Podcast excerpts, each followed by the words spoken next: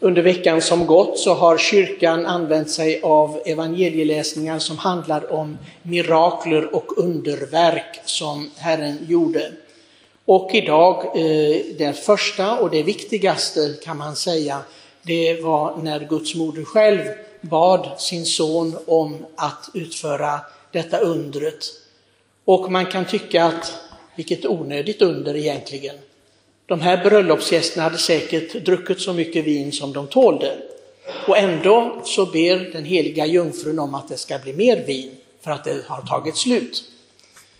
Men Guds moder Maria, som är väl bevandrad i den heliga skriften, vet att vinet är tecken, symbolen för någonting helt annat än bara just drycken vin.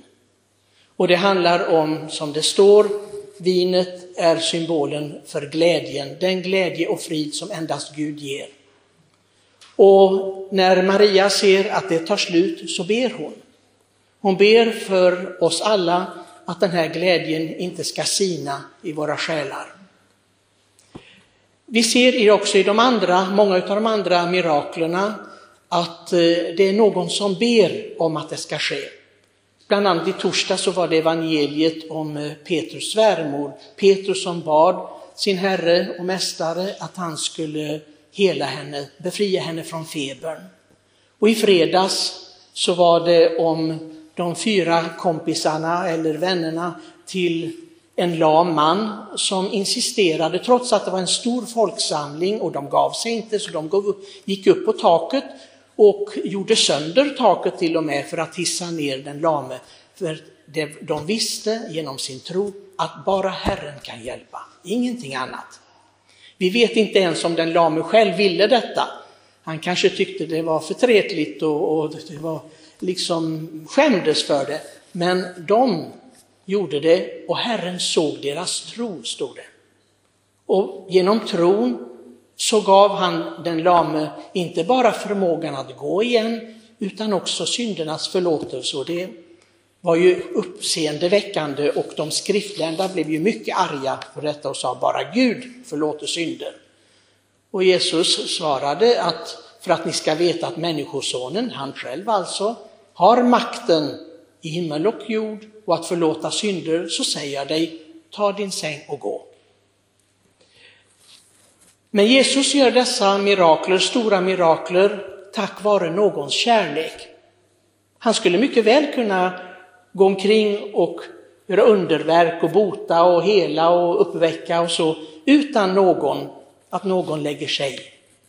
Men det vill inte han, och Gud vill inte det. Gud vill se vår kärlek. Vad har vi inom oss?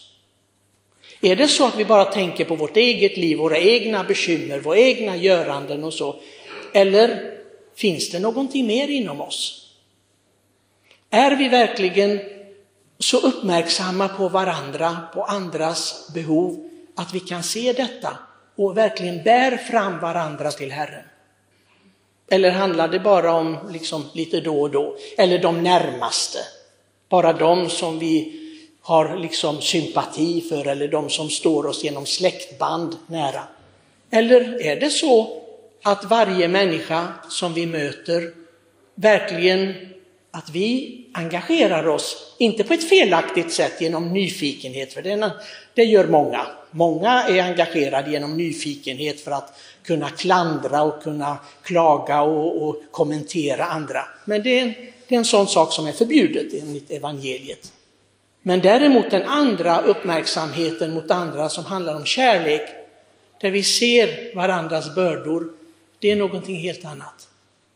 Aposteln Paulus som har skrivit just brevet här till Korinterna som vi läste, han säger bär varandras bördor så uppfyller ni Kristi lag. Vi vet att det första budet som Gud har gett mänskligheten, det handlar om kärleken till honom men också kärleken till varandra, till nästan. Älska din nästa som dig själv.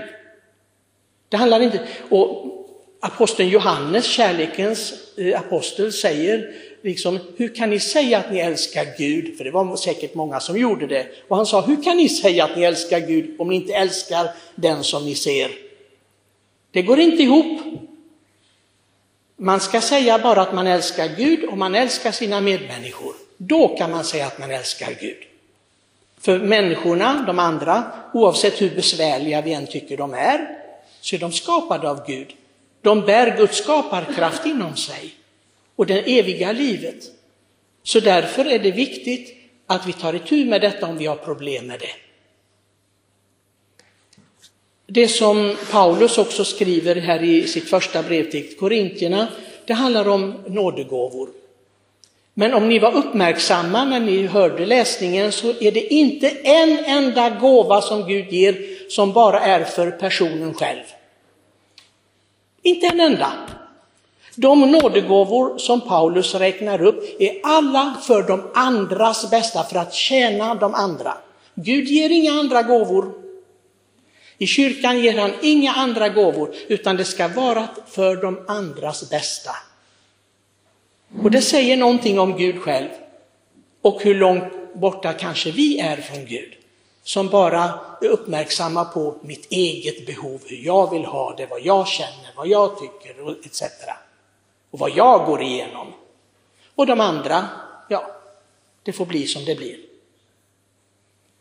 Men vi är kallade till någonting större, det vet vi alltid när vi öppnar evangelierna och vi lyssnar på Herren så vet vi att han kallar oss till att ha ett stort hjärta som honom själv. Att vara honom själv. Franciscus av Assisi han kallades av kyrkan för alter Kristus, den andre Kristus. Och det är ingenting som är liksom bara reserverat för Franciscus av Assisi eller några utvalda helgon inte. Utan det är vad kyrkan förväntar sig av var och en av oss som kallar oss kristna. Att vi ska vara Kristus.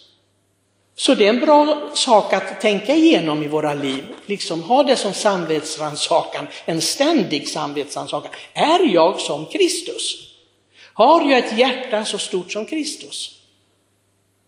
Har jag en sådan själ att jag är här för att göra Faderns vilja och Fadern vill att jag räddar alla människor som kommer på min väg? Jag brukar ofta säga att det är lätt att tänka på nödlidande på någon kontinent som är långt borta och vi samlar in pengar och vi ber några förböner för dem därför att de, det rör oss inte egentligen. Men det låter fint och det ser fint ut om vi hjälper människor som är långt, långt borta. Men de som är precis runt omkring oss, de struntar vi högaktligen i. De kan lida, de kan sörja, de kan ha behov, men vi bryr oss inte. Nej, de får klara sig själv. Jag har hört till och med katoliker som säger, nej, vi är inget utvecklingsland här.